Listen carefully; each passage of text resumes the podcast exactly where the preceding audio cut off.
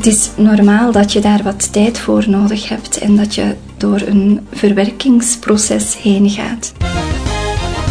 Goedenavond luisteraar en welkom bij deze uitzending van ERT, de Evangelische Radio- en Televisiestichting. Vanavond willen we uw aandacht vragen voor een zwaarwichtig probleem waar veel mensen mee kampen, maar waarvoor uiteindelijk toch een oplossing bestaat. Het nieuws kan soms heel tegenstrijdig zijn. Aan de ene kant krijgen we steeds opnieuw te horen dat het ons materieel al maar beter gaat.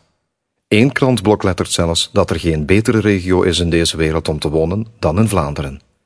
Toch voelen we dat blijkbaar niet allemaal zo aan, want tegelijk bereiken ons alarmerende berichten dat wij Vlamingen steeds meer geplaagd worden door depressies. In België worden momenteel ruim 900.000 landgenoten behandeld voor een langdurige neerslachtigheid.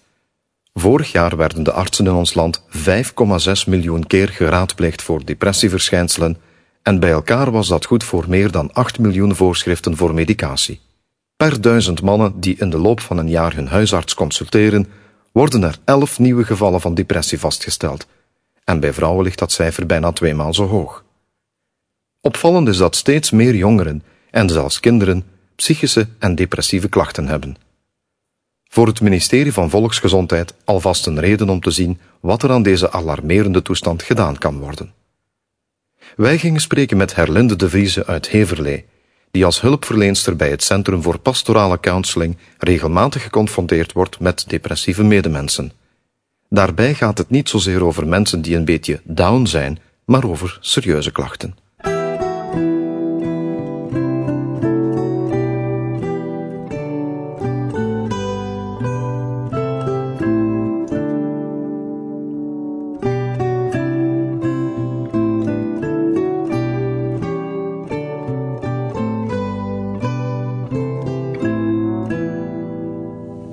Het grootste deel, meer dan 50% van de mensen die ik begeleid, hebben met uh, depressie te maken. Maar vaak komen zij niet met ja, die diagnose van depressie. Dat is ook iets wat ik trouwens niet doe, een diagnose stellen. Maar uh, hebben vaak te maken met uh, het verwerken van traumata uit het verleden. Waardoor zij natuurlijk zijn vastgekomen in negatief zelfbeeld. En waar depressie dan ook een van de gevolgen kan zijn. Iedereen voelt zich toch wel eens depressief? Um, er is een onderscheid. Je moet een onderscheid maken tussen gevoelens van neerslachtigheid, gevoelens van depressie en uh, ja, een, een, chronische depressie waarin iemand uh, kan terechtkomen. Gevoelens van depressie hebben wij allemaal wel eens. Er kan iets gebeuren in je onmiddellijke vriendenkring of iemand kan je iets uh, kwalijk nemen waardoor je wat van slag raakt, waardoor je geconfronteerd wordt met verwarrende gevoelens. Hè. Het is ja, normaal dat je daar wat tijd voor nodig hebt en dat je ja, door een, een verwerkingsproces heen gaat. Maar nadat je die dingen verwerkt hebt en alles op een rijtje bent, uh, hebt gezet, wat de situatie geanalyseerd hebt, dan verdwijnen die neerslachtige gevoelens ook, omdat je je gevoelens gecorrigeerd door je denken. En je kan dan nadien naar die, persoon toestappen of je kan gewoon relativeren wat je is overkomen. En na een nachtje slapen, dan ga je er weer voor en zijn die gevoelens ook uh, verdwenen. Nu, bij iemand die op een chronische manier een depressie doormaakt, ligt dat wat anders omdat uh, die persoon de veerkracht is verloren om alles op een rijtje te zetten, uh, zelf wat te analyseren. die persoon is volledig vastgeraakt in gevoelens die dan zijn gaan overheersen. En het heeft als het ware zijn denken uitgeschakeld. Zijn bekwaamheid en zijn vaardigheid om op een nuchtere manier en op een objectieve manier naar omstandigheden te kijken, is deze persoon uh, kwijtgeraakt. Uh, hij heeft die kracht niet meer om, uh, om dat te doen. Ja. Hoe komt iemand eigenlijk in een depressie terecht? Er zijn heel vele oorzaken. Um, en daarom dat je depressie eigenlijk zo moeilijk kunt uh, omschrijven, omdat uh, het ook vaak een kluwen is van, van oorzaken, dingen die depressie veroorzaken. Ik denk uh, dat er een belangrijke factor die meespeelt is, en dat is het, het lichamelijke aspect. Het is mogelijk dat je door omstandigheden een bepaalde stof te weinig in je hersenen hebt. dat is de stof serotonine. En dan kan door middel van een sublimatie van uh, medicatie, kan dat dan hersteld worden. Dat uh, komt vaak voor bij bepaalde ziekten. Uh, hart- en vaatziekten, Parkinson. Bij suikerziekte komt het ook vaak voor. Dus er zijn een aantal ja, ziekten die dat tekort aan die stof in je hersenen uh, teweeg brengen, zodat die persoon dan al uh, gevoeliger zal zijn voor, uh, voor depressie. Een andere belangrijke factor is de familiale omstandigheden of de manier waarop je bent opgevoed. Iemand waar een van de ouders zal depressief zijn, die zal ook meer kans krijgen om een depressie te ontwikkelen in zijn latere leven. En dat heeft dan meer te maken met aangeleerd gedrag. Dus dat je toch ook gevoelig bent aan het gedrag dat je ouders hebben gesteld, dat je dat gaat overnemen.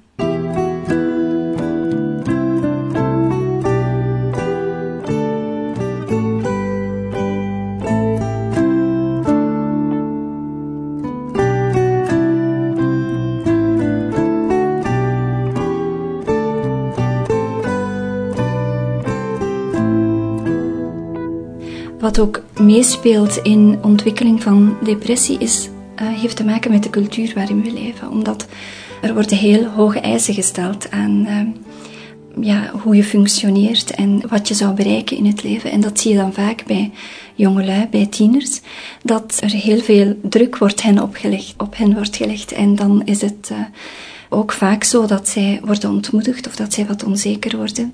Dat ze niet goed weten wat te kiezen voor hun latere leven. En uh, dat uh, roept bij hen ook een heleboel onveiligheid op. Zodat zij uh, ja, makkelijker vatbaar zijn om depressieve gevoelens te ontwikkelen. En het is ook zo dat de laatste drie generaties depressie ja, schrikbarend aan het toenemen is, ook bij jongeren. Ja, want de westerse wereld die biedt eigenlijk alles om gelukkig te zijn. Je kan in alles je, plezier vinden of je bevrediging. En toch neemt het aantal depressies hoe langer hoe meer toe. Is dat een tegenspraak of is er een verband? Ik denk dat het te maken heeft met uh, ja, het doel dat de maatschappij ons voorhoudt. We, we, zien dat in de reclamewereld, we zien dat in de amusementsector. Men stelt ons eigenlijk een ideaalbeeld voor. En als wij dan maar een bepaalde wagen kopen of als wij op een bepaalde plaats op vakantie gaan, dan zullen wij ons goed voelen. Hè? En uh, daar gaat het vaak om. Dus wij verlangen ernaar om ons goed te voelen en om een stuk vrede te vinden.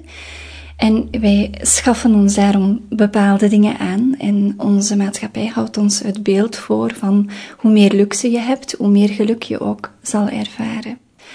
De meeste mensen haken daar daarna en zoeken dat, maar komen dan tot de vaststelling dat als ze dan die dure wagen hebben gekocht en op vakantie zijn geweest, dat ze toch nog steeds die, dat stuk onveiligheid en dat stuk onvrede in zich uh, ervaren.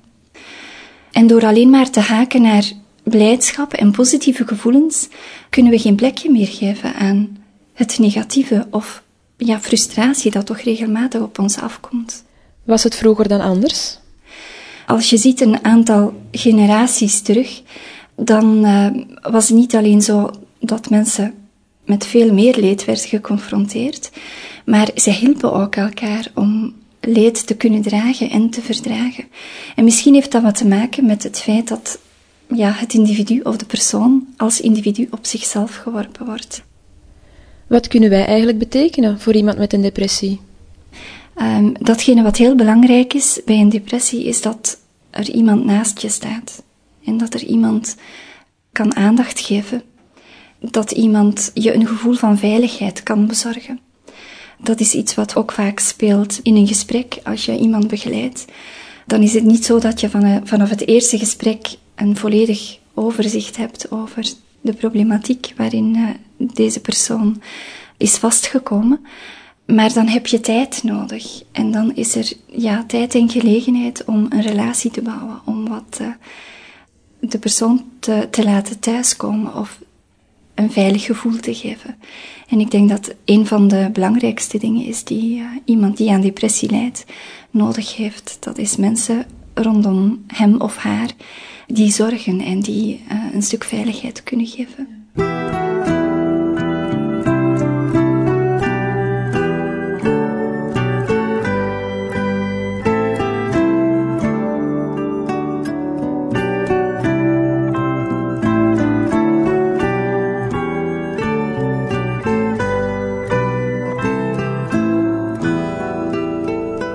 In uw begeleiding komt dikwijls het geloof ter sprake. Maar wat heeft God nu met een depressie te maken? Ik denk dat God te maken heeft met alle problemen. Omdat God de mens geschapen heeft.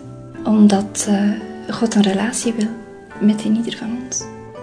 En omdat Gods hart weent wanneer wij huilen. God is een vader die wil betrokken zijn op ieder van ons. En hij is als geen ander in staat om ons te hulp te komen, om ons te beschermen en om ons hoop en geloof te geven om met het leven verder te gaan. En als je dan ziet wat uh, ja, God ons zegt in zijn woord, of wat Heer Jezus uh, vertelt, dan uh, zegt hij, nu allen die vermoeid en belast zijn, of allen die een stuk onvrede ervaren in hun leven, kom tot mij en ik zal dat gat vullen in, in je leven, of dat onveilig gevoel wat je ervaart, daar kan je mee bij mij komen en ik zal je die rust geven. Is er hoop voor iemand uh, in een depressie? Ik ga uit van de stelling dat er altijd hoop is. Omdat bij God niemand zodanig kan vastgeraakt zijn dat hij geen hoop meer zou kunnen geven. En ik denk dan aan het verhaal van de goede herder in het evangelie. De Heer Jezus vergelijkt zichzelf met een herder die, wanneer er een van de schapen afdwaalt, hij de kudde in de steek laat en naar dat schaapje gaat. Het schaap opzoekt en als het niet meer zelf kan lopen, dan neemt hij dat schaap op zijn schouders en brengt hij het bij de kudde terug. En ik vind dat een heel sterk verhaal.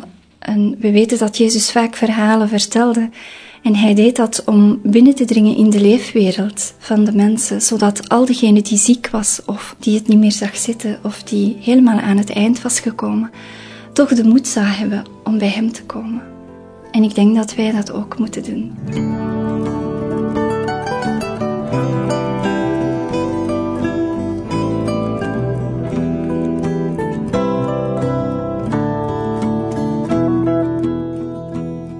Tot zover deze uitzending van vanavond. Wilt u reageren op dit programma of heeft u vragen over depressie? Bel dan nu naar ons nummer 03 457 00 00. U kan er terecht tot vanavond 10 uur en wij helpen u graag verder. Schrijft u liever, ons adres is Boomlaarstraat 12 2500 Lier.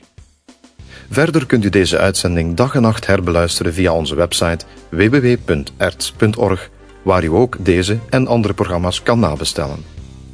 Met de nieuwe uitzending zijn we er weer binnen twee weken. Terug op woensdagavond, na het nieuws en actueel, ook op Radio 1. Graag tot dan.